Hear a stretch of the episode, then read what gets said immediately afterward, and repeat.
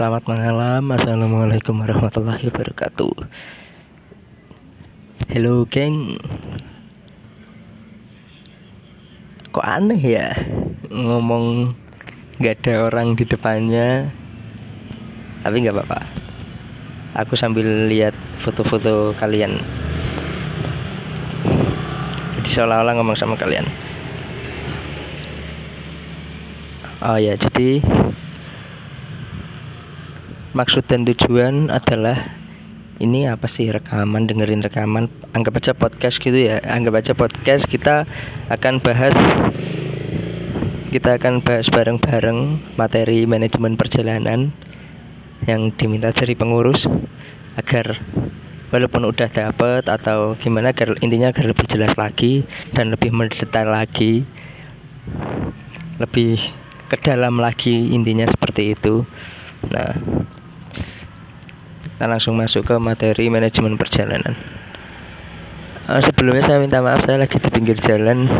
Mudah-mudahan suara motornya nggak begitu kedengaran ya lebih dengar suara saya mudah-mudahan. Ah, nanti ini nanti manajemen perjalanan ini saya jelaskan insya Allah sesuai step. Jadi urut dari awal sampai ke akhir insya Allah kalau misal nanti saya meloncat-loncat ya mohon maaf. Saya cuman berusaha agar sesuai urutannya. Oke yang pertama kita langsung masuk. Dari manajemen perjalanan ke pengertian terlebih dahulu yaitu apa ya? Itu apa ya? Gini jadi manajemen perjalanan kita anggap dia itu adalah materi umum. Di lain sisi materi organisasi keorganisasian. Nah itu ada ada materi manajemen perjalanan di mana manajemen perjalanan ini adalah materi yang digunakan di semua kegiatan kita khususkan di semua kegiatan yang masuk ke dalam bidang organisasi kita organisasi kita bergerak di bidang kepecintaan alaman ya berarti materi perjalanan seputar kepecintaan alaman. Bagaimana kita membuat manajemen perjalanan di tentang kepecintaan alaman. Nah, manajemen perjalanan ini nggak hanya digunakan oleh beberapa sub kegiatan saja, tapi manajemen perjalanan itu digunakan di semua kegiatan kita ada namanya manajemen kegiatan. Nah, manajemen kegiatan itu berarti semua kegiatan yang nggak berbau perjalanan pun. Kalau misal kita bahasnya manajemen perjalanan, ya kita fokuskan itu lagi sebuah apa adalah sebuah manajemen kegiatan yang kita lakukan di luar rumah kita di mana kita berangkat dari rumah kita berangkat dari kediaman kita menuju ke suatu lokasi yang kita tuju. Nah kalau contoh misal kegiatan manajemen perjalanan ke alaman ya misal kita ke gunung misal kita ke sungai misal kita ke tebing atau ke gua atau ke laut. Nah seperti itu. Oke. okay jadi jangan dikhususkan. Misal nih teman-teman menganggap bahwa materi manajemen perjalanan itu adalah materinya gunung hutan. Oh jangan sampai kayak gitu. Bahkan misal orang-orang yang berkegiatan di tebing berkegiatan di sungai di laut atau di gua itu bahkan diwajibkan terlebih dahulu untuk tahu bahwa materi yang paling utama itu bukan materi khusus di tebingnya atau di goanya atau di sungainya atau di lautnya tapi yang pertama adalah materi gunung hutan. Karena materi gunung hutan itu semuanya kepake di segala medannya. Kita anggap seperti ini. Bukan berarti materi gunung hutan enggak belajar materi panjat bukan berarti materi gunung hutan nggak belajar materi yang ada di sungai. Karena apa? Sebenarnya nggak ada pengkhususan seperti itu. Tapi dikhususkan adalah untuk lebih mudahnya aja. Nah kenapa? Sebenarnya uh, kita anggap divisi atau bidang-bidang itu tadi itu saling berkesinambungan. Tapi dasarnya ada di gunung hutan. Karena materi gunung hutan itu sebenarnya mencakup materi tebing materi goa materi air di gunung nggak mungkin nggak ada sungai. Di gunung tebing ada. Di gunung goa ada. Jadi seperti itu.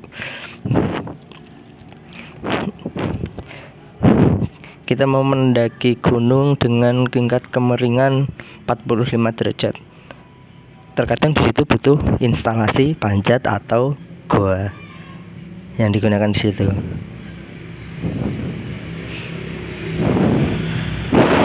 Kita mau kita kesasar di gunung, terus kita mau cari jalan keluar. Salah satu cara termudah adalah kita cari sungai. Materi sungai kepake di situ. Nah, jadi seperti itu. Jadi untuk kita memperdalamnya aja makanya dipecah. Ini materi ini, materi ini, materi tebing ini materi gue ini materi untuk lebih memperdalamnya lagi tapi secara umum itu sudah dibahas seharusnya sudah dibahas di gunung hutan oke itu tadi sedikit uh, cara berpandangan kita. Harusnya seperti itu. Nah kemudian kita masuk ke manajemen perjalanan yang utama itu tadi. Sebuah kegiatan itu perlu di manajemen agar terlaksana dengan baik. Intinya itu. Kalau kita tanpa persiapan kita asal berangkat sana ujung-ujungnya ya nggak ada hasilnya atau kita kesulitan di sana. Atau justru malah membahayakan diri kita sendiri. Kalau dibuat eh, biar lebih mudah dibuat apa saja yang Akibatnya apabila kita mengabaikan manajemen perjalanan yaitu tadi satu berbahaya. Berbahaya akan keselamatan kita melakukan perjalanan. Kedua, tidak ada arah dan tujuan yang jelas. Ketiga, ya ya tiga ya. Nah, yang ketiga tentu akan menyebabkan kita yang melakukan perjalanan itu kesulitan yang keempat tujuan gak tercapai kecuali emang kita berangkat tanpa tujuan tanpa alasan yang jelas yaitu terserah monggo tapi saya kira teman-teman di sini atau anggota gerbang nggak seperti itu Nah, manajemen perjalanan ini kita bagi manajemen perjalanan kita bagi agar lebih mudahnya lagi kita bagi menjadi tiga yaitu pra pra kegiatan pada saat kegiatan dan yang terakhir pasca kegiatan. Jadi maksudnya seperti ini. Pra kegiatan itu adalah kita untuk mempersiapkan itu semua agar tujuannya tercapai. Di mana tujuan tercapai itu bisa kita rasakan pada saat pasca kegiatan. Oke, yang pertama kita mulai dari pra kegiatan.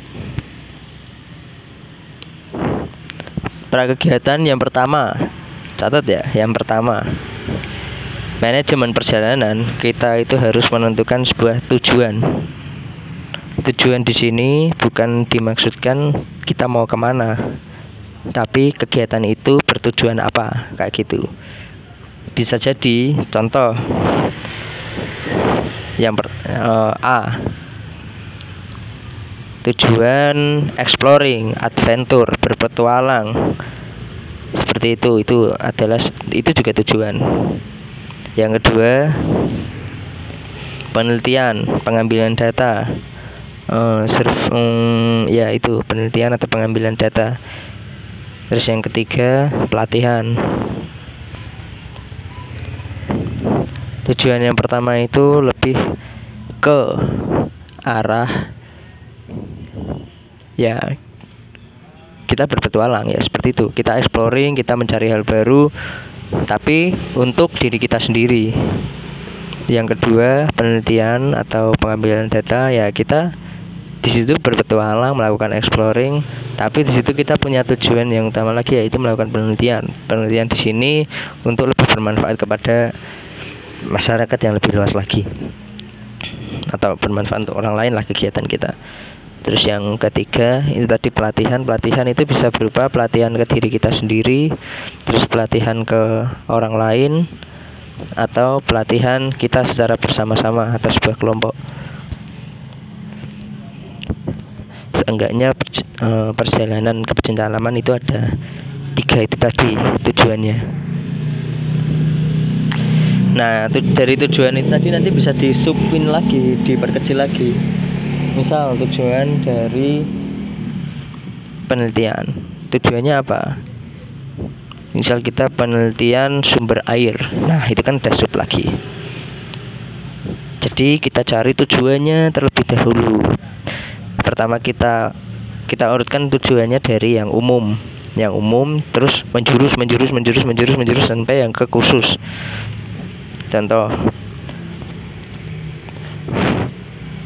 Tujuan kegiatan adalah melakukan penelitian di lokasi hutan yang masih sangat kental akan adat budaya masyarakat sekitar. Untuk di masyarakat sekitar tadi lokasi hutan yang masih kental dengan adat masyarakat sekitar. Terus nanti dikhususkan lagi kan tadi ada lokasi dan hutan yang kental dengan adat dan budayanya. Nah itu nanti dikhususkan lagi. Misal budayanya budaya apa? Budaya mistis atau budaya kedaerahan ya yang kayak gitu kayak gitu intinya. Ini ada lagi contoh misal penelitian kadar udara di gunung misal Semeru terus dikhususin lagi di ketinggian misal yang perlu dicek kadar udara misal di puncak di ketinggian 3000 ke atas terus dikhususin lagi pada waktu ini ini. Nah jadi cara bikin tujuan seperti itu.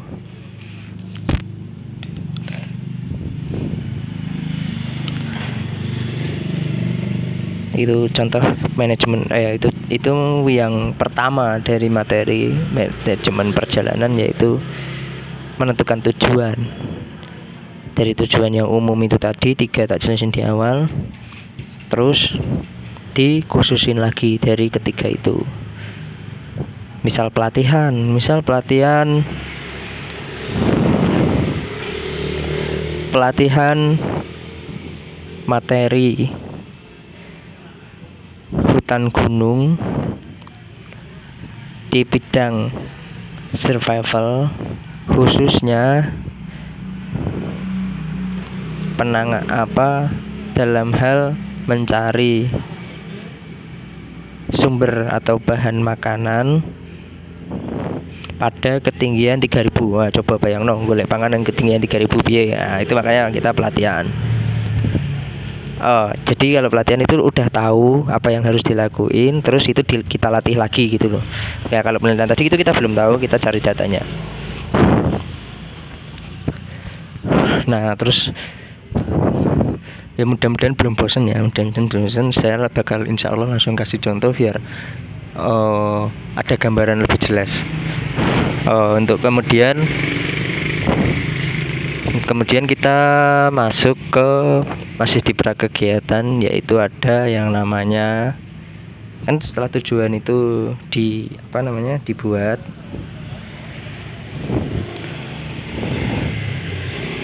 saat tujuan itu dibuat kan kita ada persiapan. Nah persiapan ini masuk ke dalam rangkaian pra kegiatan persiapan di sini ada banyak. Ada manajemen waktu. Ada apalagi ada manajemen sumber daya manusia. Yang ketiga manajemen perlengkapan yang keempat. Manajemen.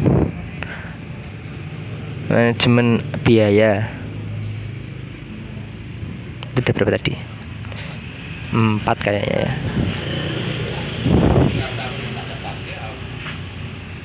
Si pause bentar. Ada orang lewat ambil ambil minum sih tak nyemot duduk sih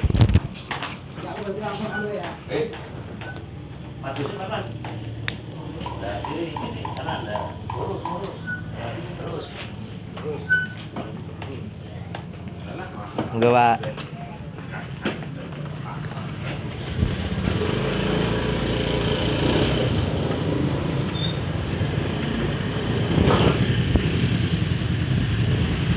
Udute cepak gisi.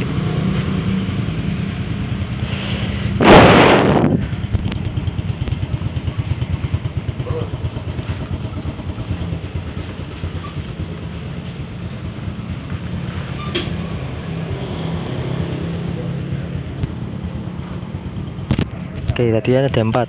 Manajemen waktu apa aja tadi? Asem gak iso bales ngomongan ya gue ya. Manajemen waktu. Manajemen sumber daya manusia. Manajemen perlengkapan. Manajemen biaya.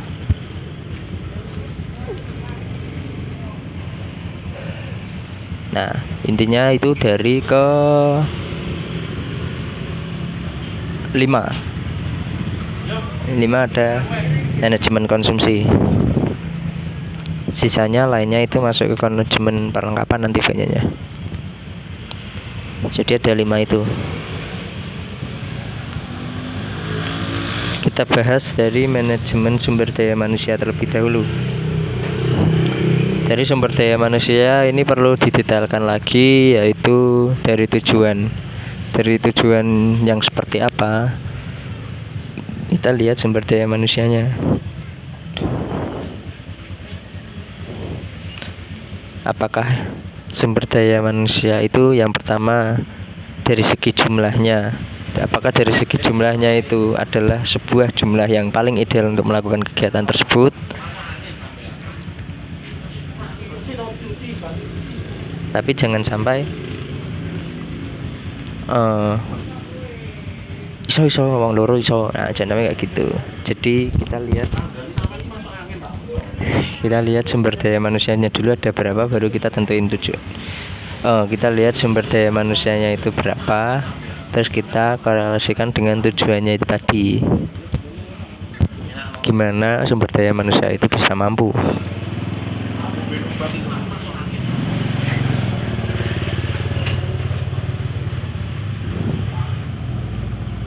Oke lanjut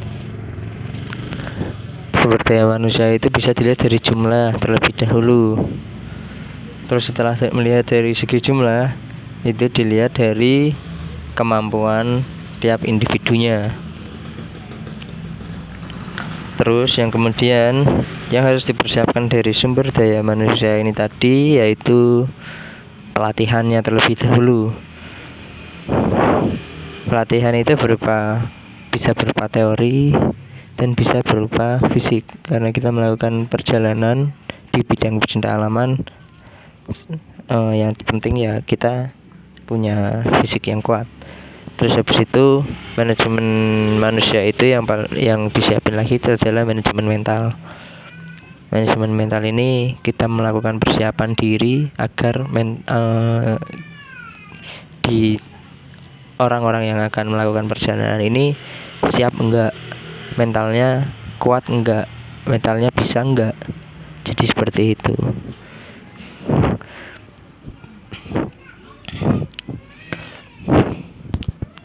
Nah setelah itu baru nih dibagi yang namanya pembagian tugas.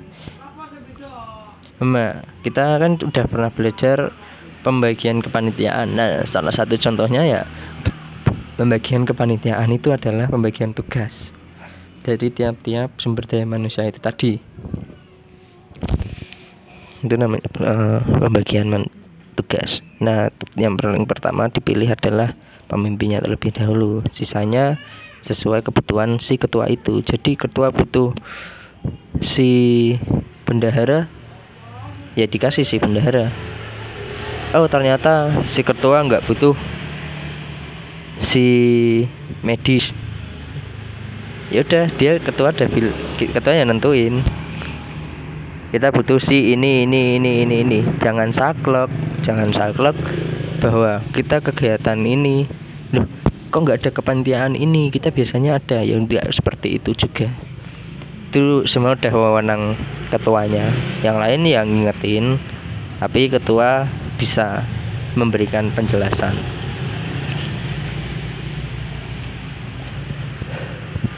cara pemilihan ketua kan banyak. Intinya apa pun apa pun caranya intinya dia terpilih jadi ketua. Setelah dia terpilih jadi ketua dia punya wewenang untuk membawa kegiatan perjalanan ini seperti apa pun itu tapi dengan tujuan dengan intinya tujuannya kecapai. Oke, mumet lah mumet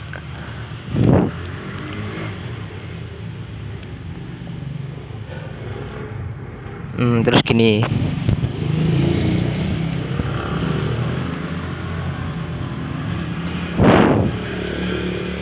kan di sini kan kita belajar manajemen perjalanan sebenarnya seorang pemimpin itu itu harus sudah bisa melakukan ilmu manajemen perjalanan Nah, tapi kita anggap di sini kan belum ada seorang pemimpin. Jadi untuk kita jadi pemimpin, kita harus belajar dulu materi perjalanan ini nih. Nah, apa-apa aja yang wajib diketahui agar kita bisa jadi pemimpin semua. Nah, ini fungsinya belajar manajemen perjalanan. Salah satu fungsinya. Bisa biar bisa jadi pemimpin yang bisa menjalankan sebuah acara.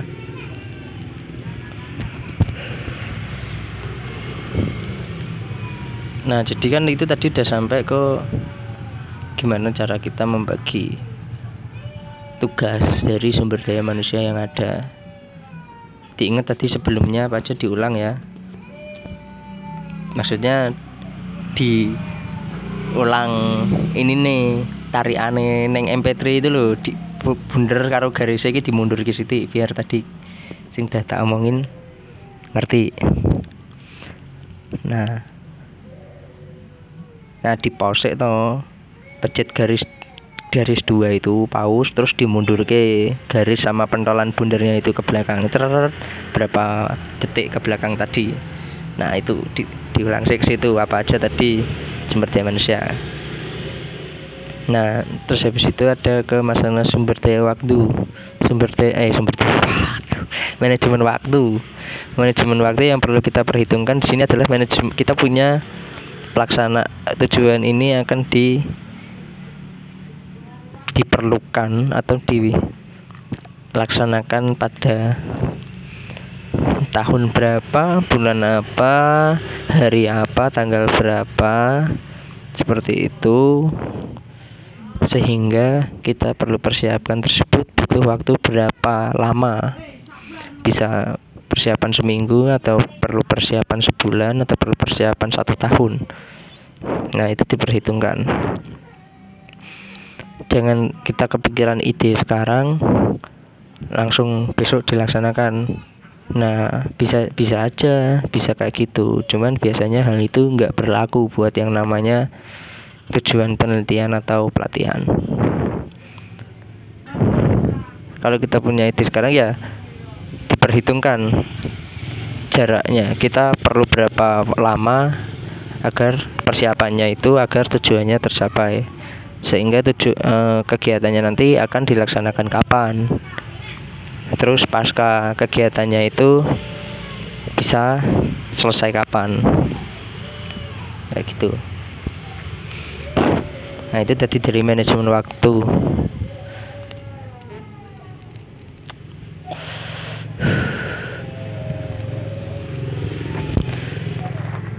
Terus habis itu masuk ke manajemen biaya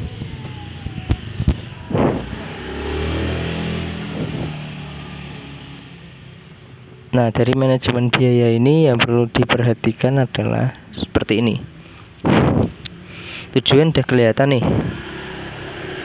Sebenarnya manajemen biaya ini adalah dia yang uh, istilahnya dia bisa bekerja terakhir.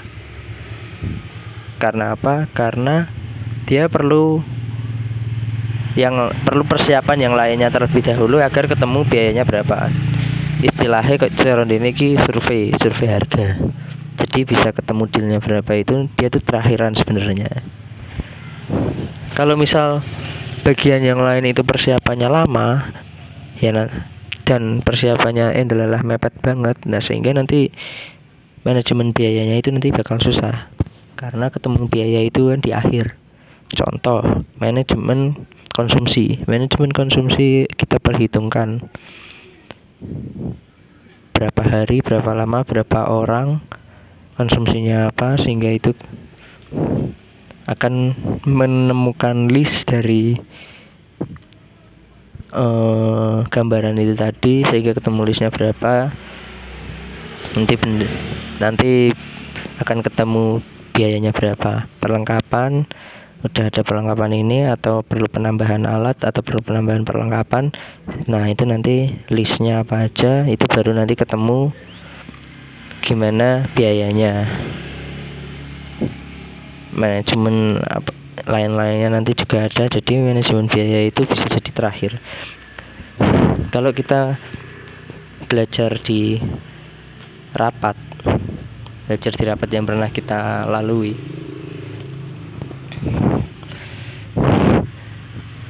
misal ketua panitia meminta meminta uh, laporan dari tiapsi nah di situ tiapsi berbicara semua nih dan dianggap adalah yang selalu melaporkan pertama adalah sekretaris yang kedua pasti bendahara. Seringnya karena dianggap itu adalah kepanitiaan yang paling besar terus yang lain adalah kepanitiaan kecil-kecil apalagi apa nih PDD medis. Wah itu disepelekan sekali. Sebenarnya nggak seperti itu. Ada stepnya lah kalau kita mau bikin uh, laporan manajemen perjalanan uh, persiapan manajemen perjalanan. Apalagi yang biaya. Jadi gini bisa jadi ini gini nih. Misal kita punya waktu seminggu dikasih sama dikasih sama ketua panitia waktu seminggu terus semua sih laporan di hari yang sama. Yaitu kalau waktunya seminggu mungkin masih bisa jadi seperti itu. Kalau misal sehari lagi kita rapat lagi. Dan di situ manajemen e, si biaya yang ngurusin biaya itu juga bikin laporan di situ. Ya nggak bisa. Karena semuanya harus ada gambarannya terlebih dahulu sehingga kita bisa ketemu berapa anggaran biaya yang kita perlukan yang perlu kita persiapkan untuk menjalankan acara ini. Jadi misal kita rapat ketua panitia, oke silahkan di sini si acara. Nah, yang paling pertama itu si acara. Kita mau bikin tujuan itu tonggaknya itu ada di si acara. Karena apa? Karena setiap acara yang dilakukan di sana itu adalah yang e, sebuah kegiatan yang menjurus tercapainya sebuah tujuan.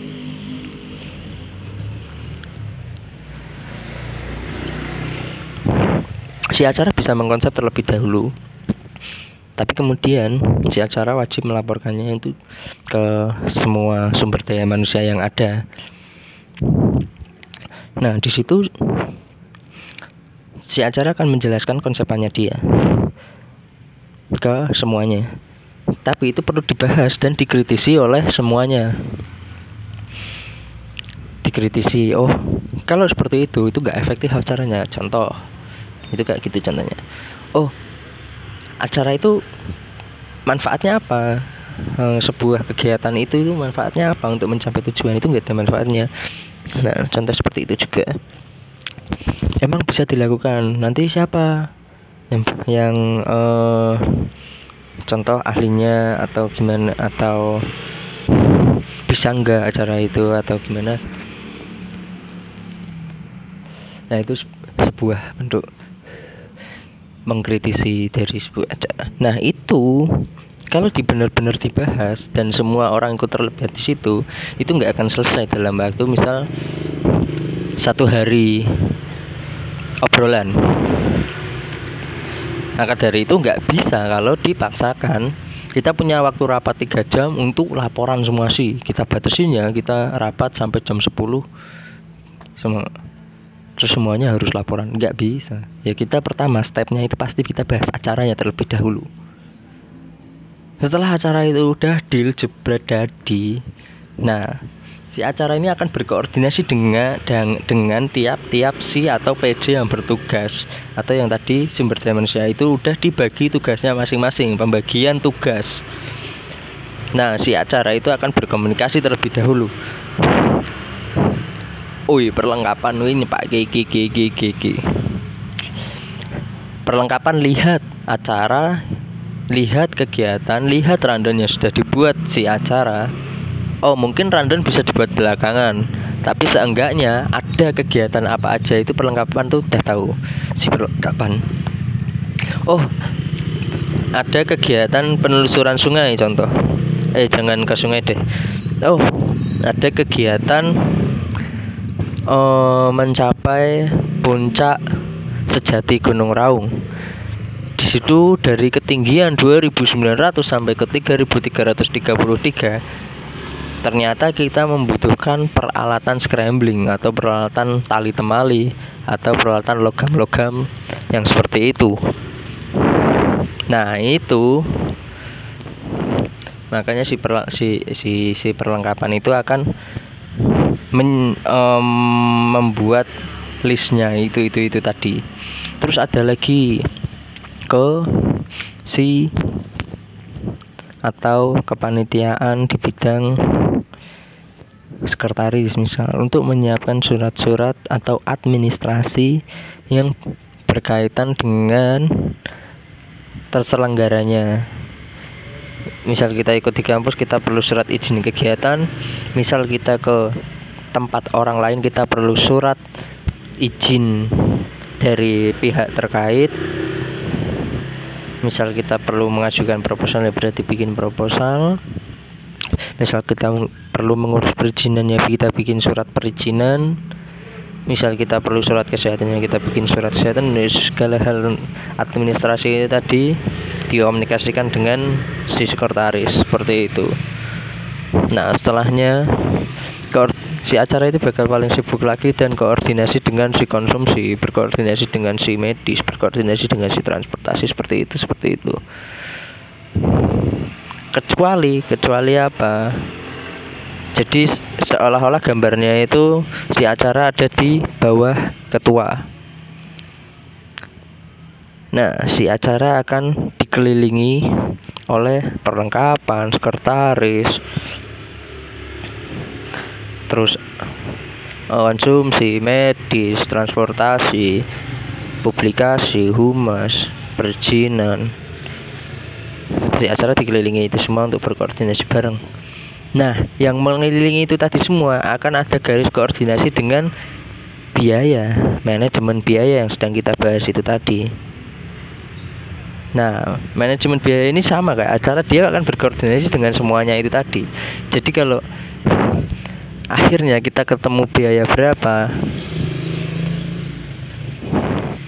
Itu adalah setelah si acara sudah membuat konsep dan dikritisi dan akhirnya disetujui terus si acara sudah berkoordinasi dengan uh, sisi yang lain. Itu tadi kecuali biaya sudah berkoordinasi itu semua. Akhirnya ketemu oh ini aja yang di, ini ini ini semua yang dipersiapin.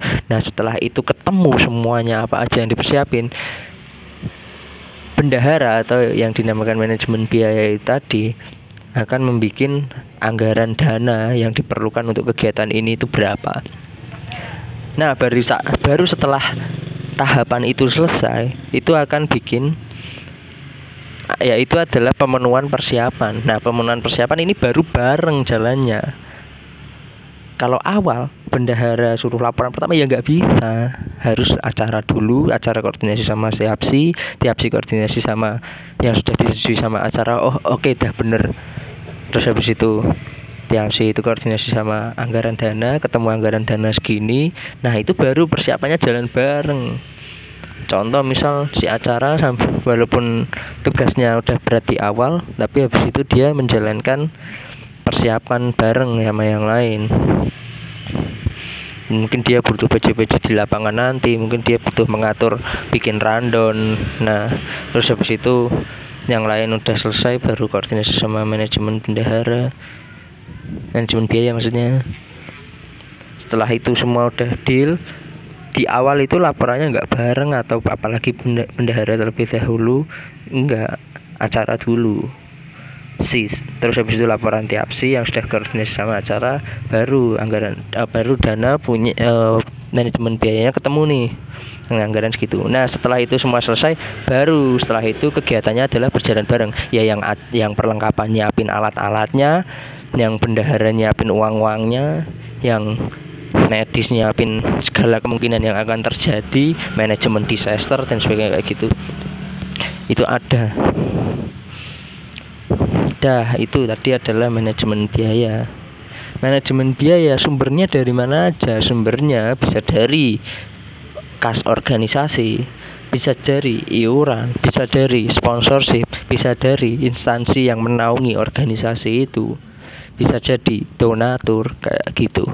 Bisa jadi dana usaha. Nah itu adalah sumber-sumber dana yang bisa didapatkan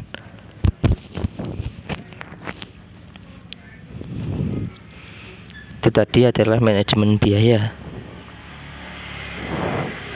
Yang pertama tadi udah ada manajemen waktu manajemen biaya manajemen perlengkapan. Eh ntar kita bahas terakhiran aja manajemen perlengkapan. Tadi ada apa lagi? Manajemen manusia manajemen waktu manajemen biaya perlengkapan konsumsi. Kita masuk ke konsumsi terlebih dahulu. Manajemen konsumsi untuk kita yang berkegiatan di taraf mahasiswa itu enggak asal. Karena kita berkegiatan di lapangan manajemen konsumsi yang pertama dipertimbangkan adalah sehat kesehatan. Secara normal kita makan sehari tiga kali. Ya udah disiapin sehari tiga kali. Yang kedua kita lihat berapa jumlah orangnya sehingga bisa memenuhi tiap jam makannya jumlah makanan yang dibawa itu. Terus yang ke yang ke tiga berarti. Yang ketiga tadi apa aja sih anjir? Kesehatan tiga kali sehari. Jumlah orang sehingga bahan yang dibawa nggak kurang. Yang keempat nah ini nih yang rada susah karena kita berkegiatan di lapangan kita harus memperhatikan makanan yang kita makan. Makanan yang kita makan apakah itu sudah memenuhi kalori yang kita butuhkan untuk berkegiatan yang berat maupun ringan? Andai kata kegiatan kita berat ya berarti kita kita perlu cari oh kegiatan jalan satu kilometer itu menghabiskan berapa kalori? Cari aja. Infonya udah banyak kok. Jalan satu kilometer itu habis berapa kalori? Setelah itu kita bikin makanannya. Makanan ini jumlahnya berapa kalori kalau misal kita makan pagi misal pisang yang jumlahnya 30 kilokalori eh ternyata pagi-pagi itu kegiatan kita adalah jalan jauh. Yang ternyata butuh 1600 wah berarti kan terlalu jauh untuk dapat terlalu jauh untuk dapat kalorinya. Kita nggak punya tenaga untuk melaksanakan kegiatan itu sehingga acaranya nggak bisa lancar karena manusianya nggak kuat. Tapi itu memang memang itu di lapangan pada kenyataannya pada kenyataan nggak begitu kelihatan. Tapi seenggaknya kita persiapkan. Itu manajemen konsumsi. Nah terus manajemen perlengkapan nih. Manajemen perlengkapan di sini ya, ya itu tadi perlengkapan perlu melihat konsep acaranya. Misal acara di sungai ya perlu peralatan apa aja misal acara di gunung perlu peralatan apa aja misal acara di gunung yang fokusnya di tengah hutan jadi perlu peralatan apa aja. Misal acara di gunung yang nggak punya informasi sama sekali peralatan apa aja kayak gitu. Intinya peralatan dicek. Dan terus habis itu adalah di peralatan itu juga ada manajemen packing uh, manajemen packing itu sudah dijelasin belum ya? Bagaimana cara packing yang baik kayak gitu? Uh, apa kita ulang aja ya ya jadi gini.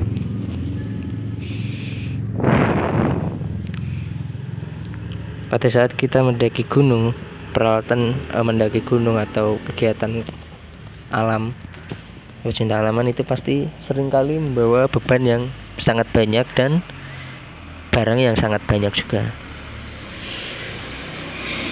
sehingga kadang tas kita tuh gede-gede. Nah itu ada cara manajemen packingnya.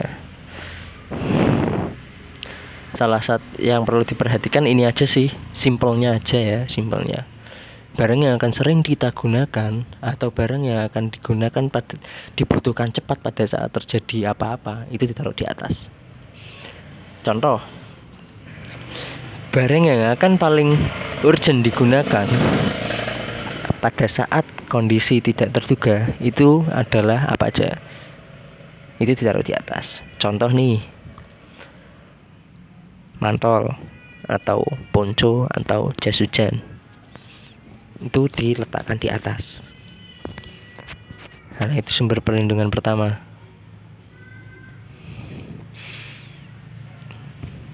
Yang kedua adalah survival kit seenggaknya yaitu dua barang itu yang kita letakkan di bagian atas sendiri.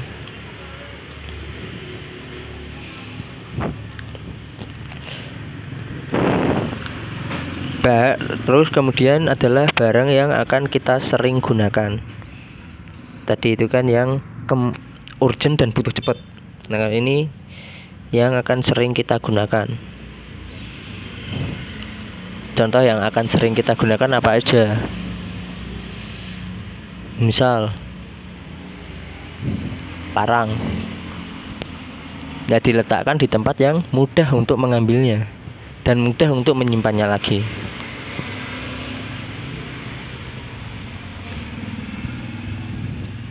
Apalagi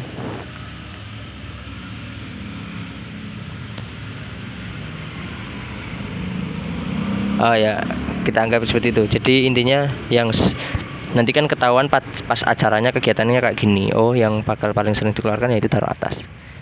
Terus yang ketiga barang yang jarang digunakan taruh di bawah. Barang yang jarang digunakan berarti kan alat tidur atau pakaian ganti. Nah itu taruh di bawah. Taruh di atas lagi itu tadi contohnya medis Nah, terus habis itu beban yang mem, barang yang memiliki beban yang sangat berat itu diletakkan di punggung. Karena analoginya seperti ini. Kita punya hati. Organ tubuh kita, hati itu beratnya 2 kg. Tapi kerasa nggak? Coba bayangin kamu ngangkat 2 kg nyenteng beras 2 kg. Ya kerasa kita sedang membawa beban, tapi pada saat dia nempel di tubuh kita, yang nggak kerasa kalau kita berat sebanyak itu. Ya contoh lagi lah. Kita punya berat badan berapa? 50 berapa atau 40 berapa atau 60 berapa? Kita punya berat badan segitu. Kita ya enjoy aja. Kita tetap bisa bergerak. Jadi intinya barang yang mempunyai beban yang berat itu usahakan menempel dengan diri kita kalau misal tas carrier itu letaknya ada di punggung ya kita tempelkan barang yang berat tempel dengan punggung kita. Contoh barang yang berat itu apa? Air. Tempelin tuh ke punggung. Apalagi yang berat sumber bahan makanan misal beras misal buah-buahan misal batu. Yang makan batu ya ditempelin di tubuh, tubuh kayak gitu terus jangan sampai ada barang yang diletakkan di luar. Ya emang di luar itu ngambilnya gampang jebret-jebret atau wah di dalam nggak pas nih taruh luar aja. Ya itu simpelnya kayak gitu. Tapi kan kita di sini melakukan persiapan. Jangan sampai ada barang yang diletakkan di luar. Sekalipun itu barang yang perlu diambil dengan cepat. Jangan karena sudah banyak kasus sudah banyak kasus bahwa barang yang ditaruh di, atau diletakkan di luar itu berbahaya. Barang yang tidak begitu menempel dengan diri kita untuk berkegiatan di alam bebas itu berbahaya. Seperti itu.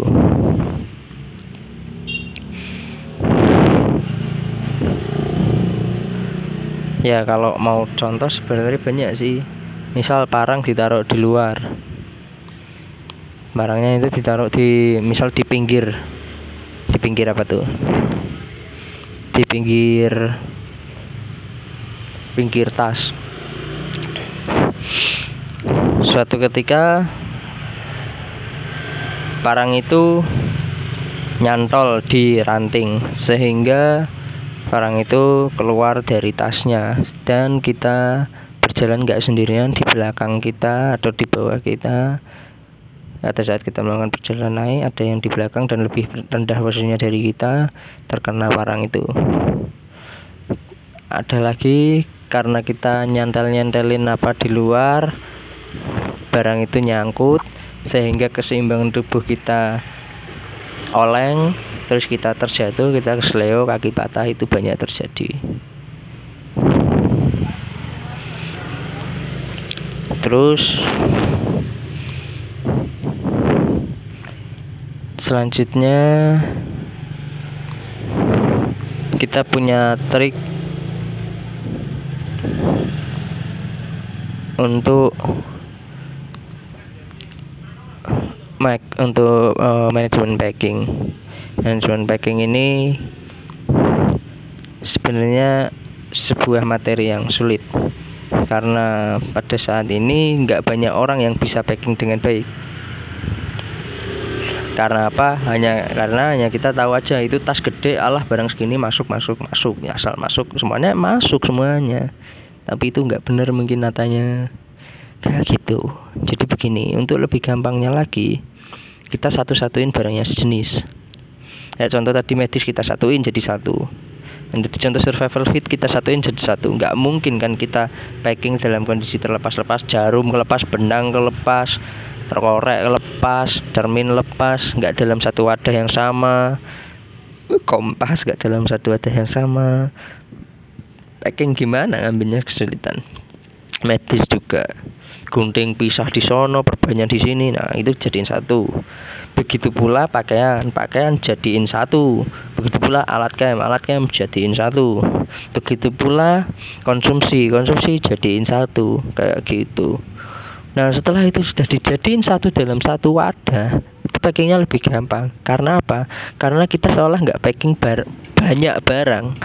Misal sudah dijadiin semua itu akan terjadi menjadi contoh 6 kelompok barang atau 7 kelompok barang sehingga kita seolah packing 6 atau 7 barang aja. Itu packingnya lebih gampang. Misal karena misal kita perlu plastik untuk menyatukan terkadang plastik masih bisa sobek walaupun dia fleksibel. Nah kalau menjadi menurut pengalaman saya Saya akan satuin mereka itu ke dalam satu wadah yang lebih keras daripada plastik Dan lebih uh, reusable reusable dapat digunakan kembali contoh makanan. Aku letakkan dalam satu kaleng makanan. Satu aku satu letak itu kayak gitu kayak gitu kayak gitu. Tata tata dalam satu kaleng makanan itu cukup. Atau satu toples atau satu apalah.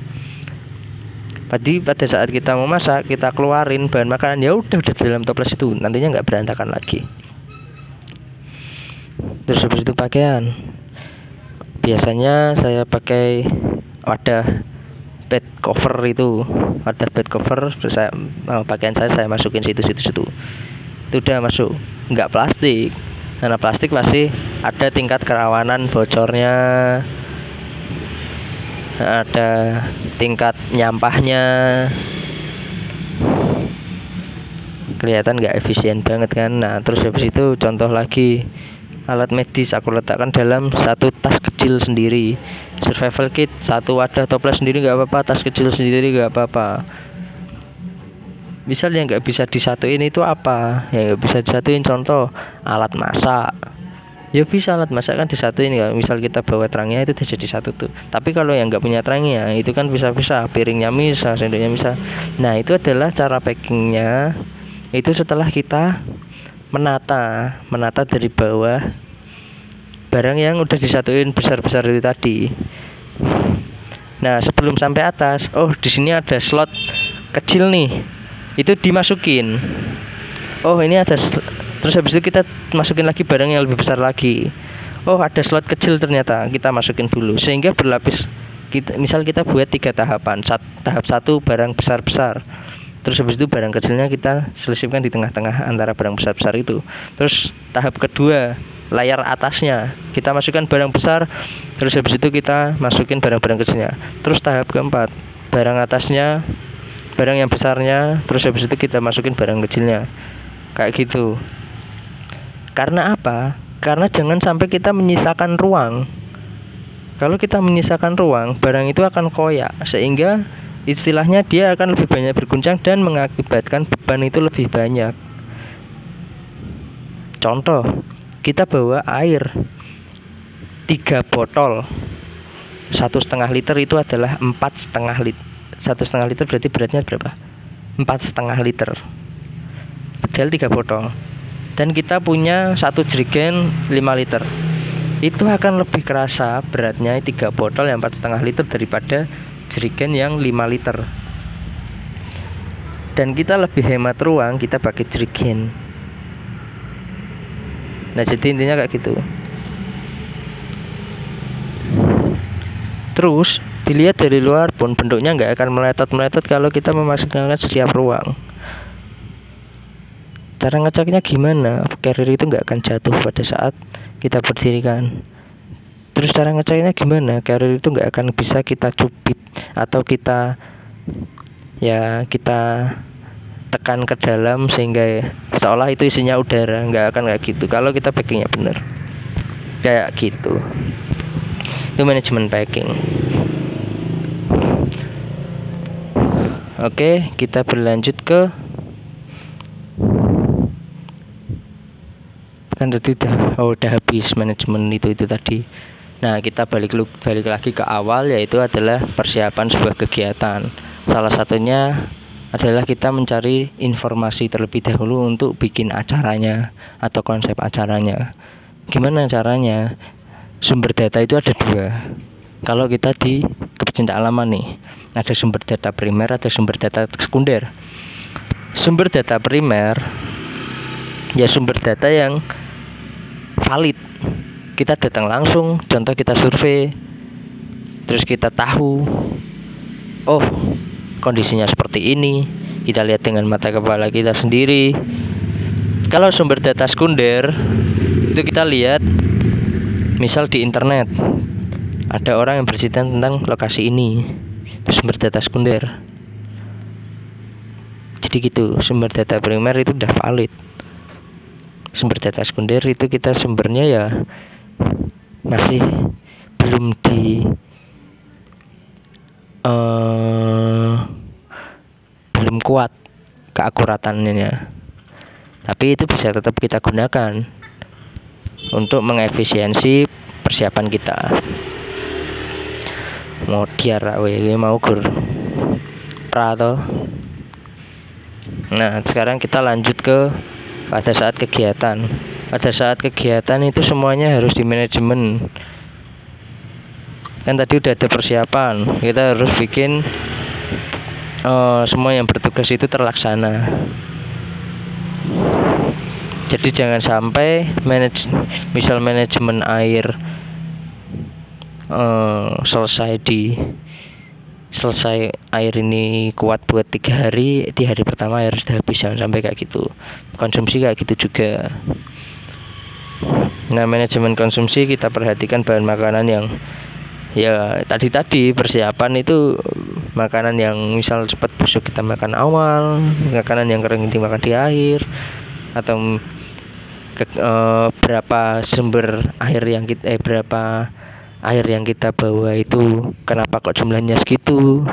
Misal kita berkegiatan yang benar-benar gak ada air gimana kita bawa air berapa kalau misal bawa air sebanyak-banyak satu galon itu nggak mungkin satu orang satu galon ya berarti kita tetap bawa seperti biasanya Terus yang dikurangi adalah penggunaan airnya. Gimana cara mengurangi penggunaan air? Ya misal bahan masakan, bahan masakan jangan yang banyak masak pakai air.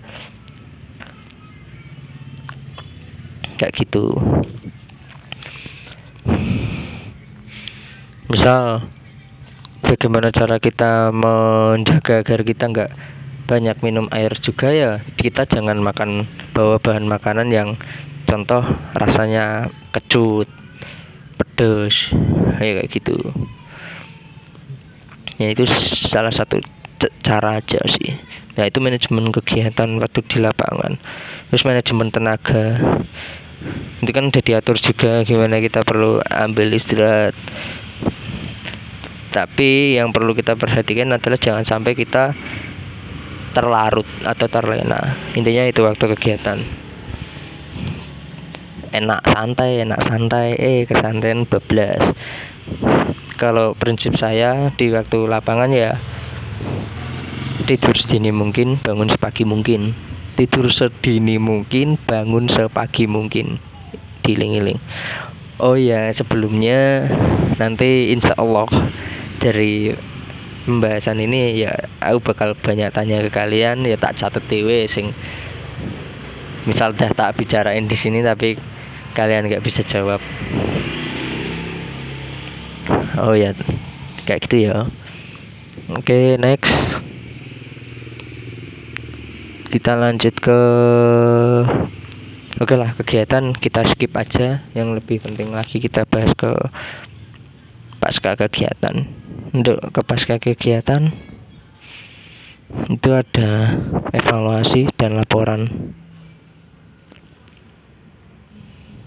untuk laporan itu sebenarnya ya dipersiapin di pra terlebih dahulu Laporan ini akan berupa bentuk apa? Berupa bentuk video, berupa bentuk dokumen, berupa bentuk narasi, berupa bentuk tulisan, diterbitkan, disebarluaskan melalui ini. Uh, penulis siapa, editor siapa, ya itu sudah ditentukan kapan harus dipublikasikan nah itu sudah diselesaikan harusnya terus habis itu ada evaluasi evaluasi harus dilakukan karena apa karena evaluasi mempengaruhi perjalanan kegiatan berikutnya oke lah itu CW mungkin nanti kita sambung di materi yang lain lagi. Ingat bahwa ingat nih diingat ingat. Intinya apa sih tak omongkan ini tadi bakal tak tanyain lagi sehingga kalau nggak tahu atau gimana bener atau udah males dengerin ya mungkin emang males tapi ya wis denger ya wis penggal penggal kan nggak apa-apa. Yo di temen tenanan nih soalnya manajemen kegiatan itu manajemen perjalanan itu yang pertama. Dan sesuai prediksi saya prediksi saya bahwa saya akan berbicara selama satu jam.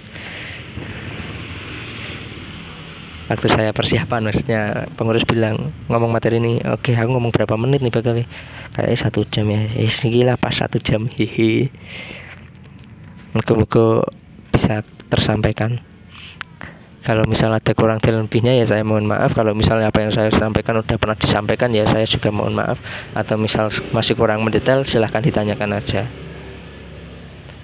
Ya begitu, terima kasih. Hello geng, wassalamualaikum warahmatullahi wabarakatuh. Snap Ardian, GWB 27309 NSA.